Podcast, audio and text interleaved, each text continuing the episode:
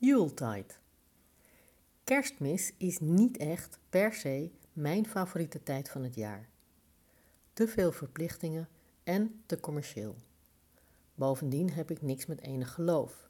De geboorte van Jezus wordt door miljoenen, maar altijd bewust, zonder mij gevierd.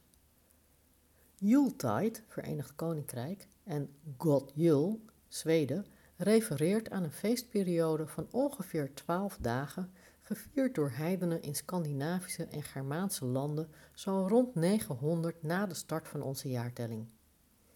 Vaak valt het samen met de zonnewende, het moment dat de dagen langzaam maar zeker weer langer worden. Pas veel later is het religieuze element eraan toegevoegd. Dit is, na speurwerk op internet, mijn interpretatie. Als het je gegeven is om in gezamenlijkheid met eten en drinken te vieren dat de korte dagen en de donkere periode achter je liggen, dan doe ik graag mee. Ook met de gewoonte om elkaar het beste te wensen voor het nieuwe jaar. Uiteindelijk wordt de wereld er alleen maar beter van als we lief zijn voor elkaar. Laat die cadeaus maar achterwege. Dus vanaf nu vier ik kerst als het feest van het licht.